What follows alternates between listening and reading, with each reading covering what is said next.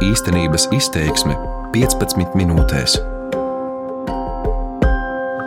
Vīrietis izplestām rokām nostājies tanku kolonnas priekšā.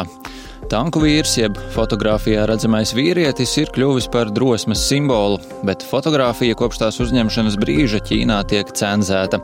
Tā uzņemta 1989. gada 5. jūnijā Ķeņaņmeņa laukumā. Tieši tur pirms 30 gadiem notika protesti, kas pēc armijas centieniem tos apspiest beidzās ar vairāku tūkstošu cilvēku nāvi. Šie cilvēki iestājās par demokratizāciju. Mani sauc Rihards Plūme, un šajā īstenības izteiksmē aplūkošu to, kā kopš šī asiņainā notikuma republika ir mainījusies.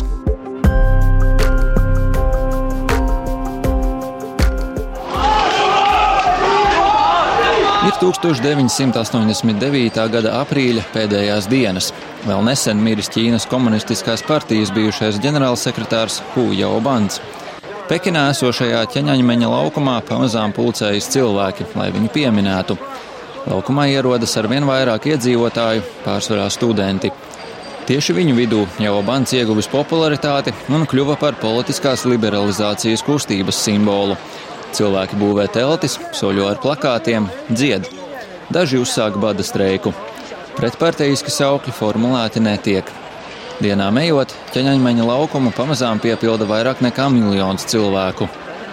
Daži Ķīnas valsts padomas locekļi saprot, ka pilsoņu karš drīz vien kļūs par nenovēršamu realitāti un protesti apdraud kompartiju.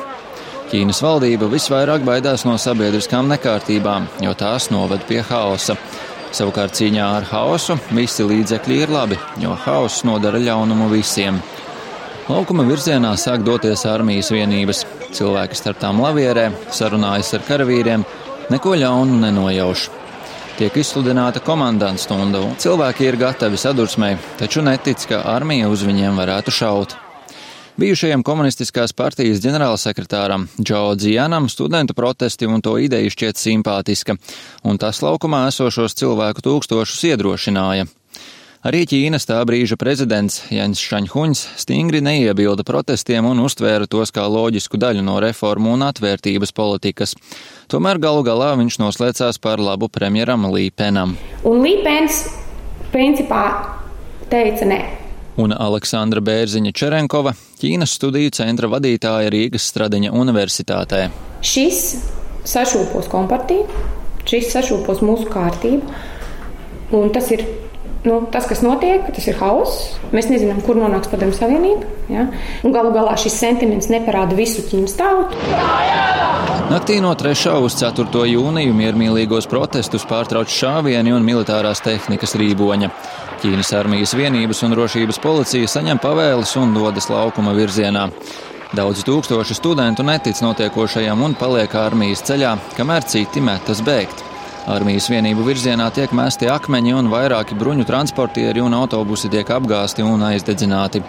Ar 70 km/h lielu ātrumu militārā tehnika tuvojas laukumam un brauc pāri visiem, kas stāv ceļā.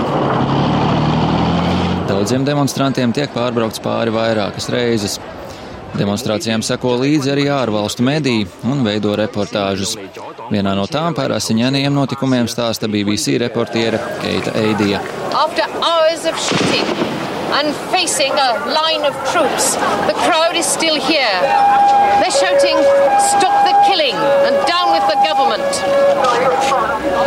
Pēc vairāku stundu ilgām apšaudēm pūlis joprojām atrodas laukumā un stājas pretī armijas vienību rindām, kliedzot saukļus pārstājiet nogalināt un nost ar valdību. Daudzi dusmīgi, pārbijušies un izmisuši cilvēki Pekinas ielās mums nāca klāt, sakot, ka sekos atriebība. Pastāsti pasaulē, viņi mums teica. Tell the world, they said to us. Vairākus ievainotos studentus karavīri nodūra ar durkļiem, bet mirušo cilvēku asinis no laukuma aizskalo ar ūdeni. Karavīri nošauja arī sievieti, kas cenšas palīdzēt savai ievainotajai trīs gadus vecajai meitai.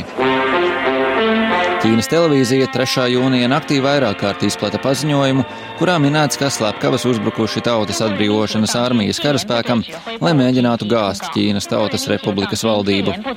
Vairāki mediji 2017. gadā rakstīja par kādu atslapenotu ziņojumu, ko britu vēstnieks rakstījis vien diennakti pēc asiņainajiem notikumiem.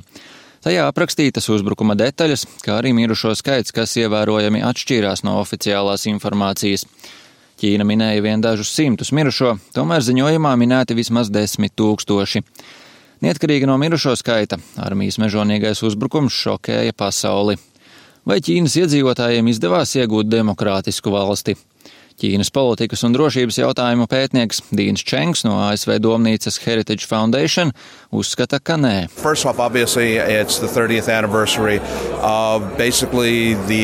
Šogad aprit 30 gadi kopš pēdējā liela mēroga sabiedrības mēģinājuma valsti virzīt demokrātijas virzienā. Šie notikumi iezīmēja ļoti būtisku Ķīnas valdības politisko kursu, kas būtībā nozīmēja valsts vadības neiesaistīšanos politisko reformu īstenošanā, un kopš tā brīža nekādas politiskās reformas arī nav novērotas. Studenti, kas toreiz pulcējušies laukumā, noteikti nedomāja, ka protesti novedīs pie demokrātijai pretēja iznākuma. Viņi cerēja, ka Ķīnas valdība piedāvās ko līdzīgu kā Padomju Savienības komunistiskās partijas ģenerālsekretārs Mihails Gorbačovs. Tomēr Ķīnas valdība skaidri norādīja, ka nekādas perestroikas jeb politisko reformu nebūs. Yes, Patiesību sakot, studenti šajā laukumā parādījās tādēļ, ka Gorbačovs plānoja apmeklēt Pekinu. Tik skarbas demonstrācijas beigas visticamāk bija tādēļ, ka protestētāji apkaunoja Ķīnas komunistisko partiju, demonstrējot patiku pret Gorbačova politiku.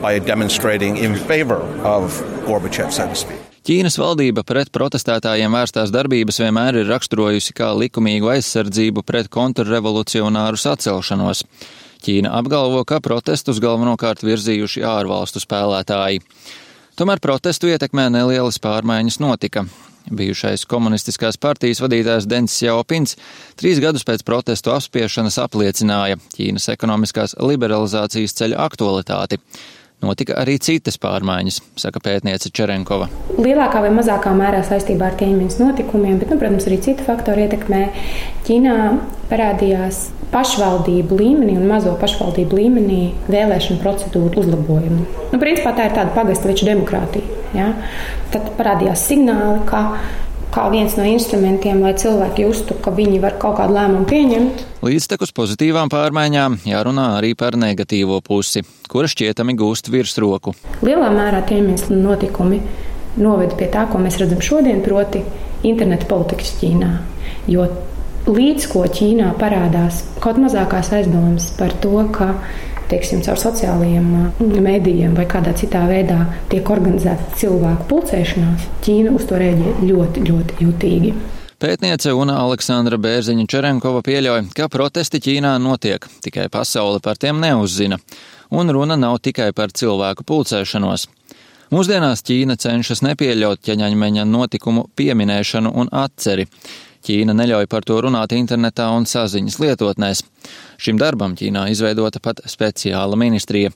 Pētnieks Čenks konstatējis, ka, tuvojoties notikuma 30. gada dienai, cenzūra kļūsi masīvāka.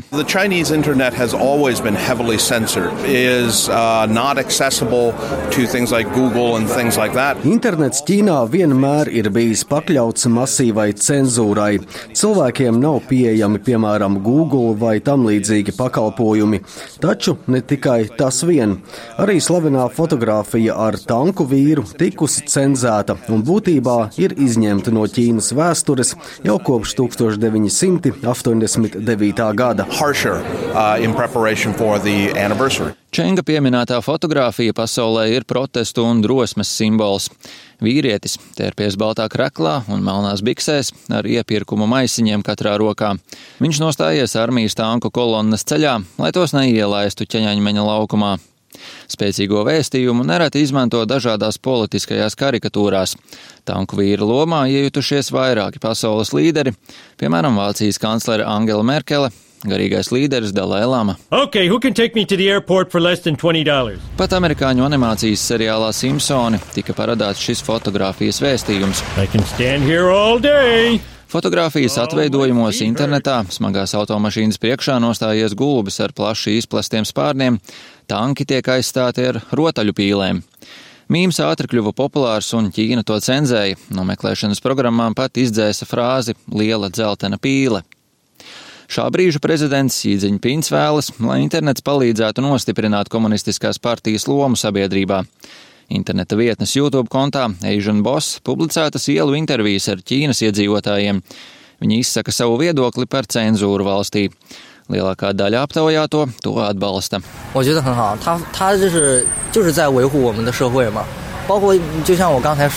Es domāju, tas ir ļoti labi. Tas aizsargā mūsu sabiedrību.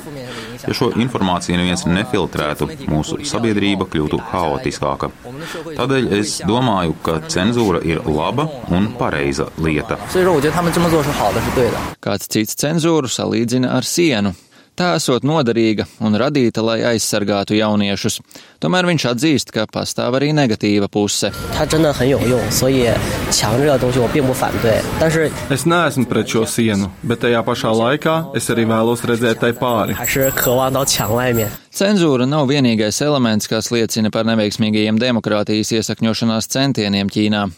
Ķīnai no Eiropas Savienības puses regulāri tiek pārmesta arī vēršanās pret preses brīvību un opozīciju. Pērn Ķīna atcēla konstitūcijā noteikto valsts prezidenta amatu pilnvaru termiņu. Pateicoties šim lēmumam, pašreizējais valsts vadītājs Sīdziņpins var būt par Ķīnas prezidentu pat visu viņa atlikušo dzīvi. Vai Ķīna kādreiz varētu doties pretī demokrātijai?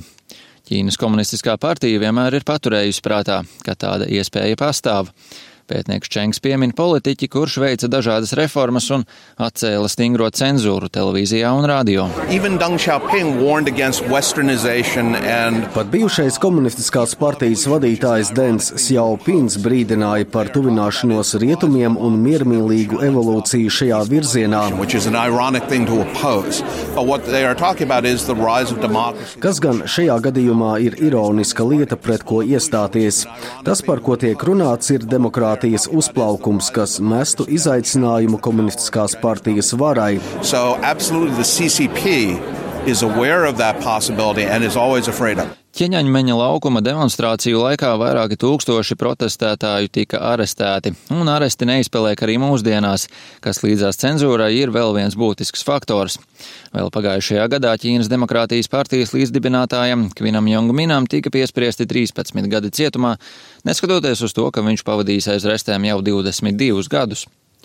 Savukārt ASV nevalstiskās organizācijas Freedom House šī gada ziņojumā tiek minēta arī Ķīna kura vajā, nolaupa un pat nogalina oponentus ārvalstīs.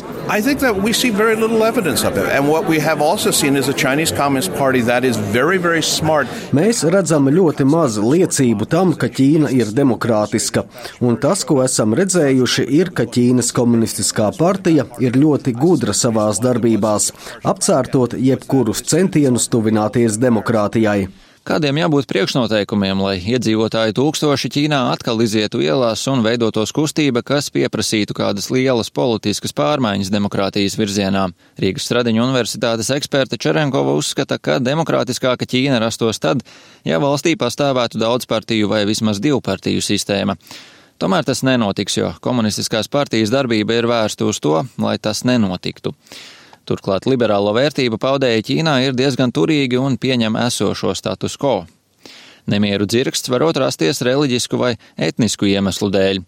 Un, ironiskā kārtā, cilvēki šodien Ķīnā daudz lielākā mērā iespējams protestēs nevis lēdijas demokrātijas vārdā, ja, kā mēs redzam arī tiem protestos, kur nes šo demokrātijas dievietu statuju, ja, bet lēdijas ekonomikas vārdā. Tie būs cilvēki, kuri jūtās, ka viņi vai nu zaudē darbu.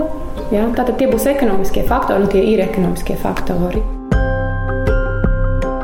Pie protestiem visticamāk nenovedīs arī šī brīža ASV un Ķīnas saspīlējums tirdzniecības jautājumos.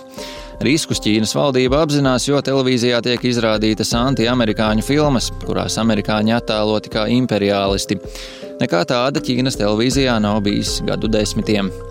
Viedokļu dažādība komunistiskajā partijā šobrīd nesot liela.